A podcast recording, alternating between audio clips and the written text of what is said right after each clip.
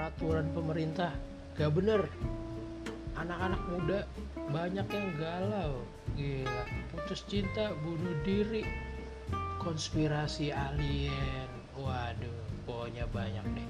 Podcast ini isinya apa aja yang gak masuk akal.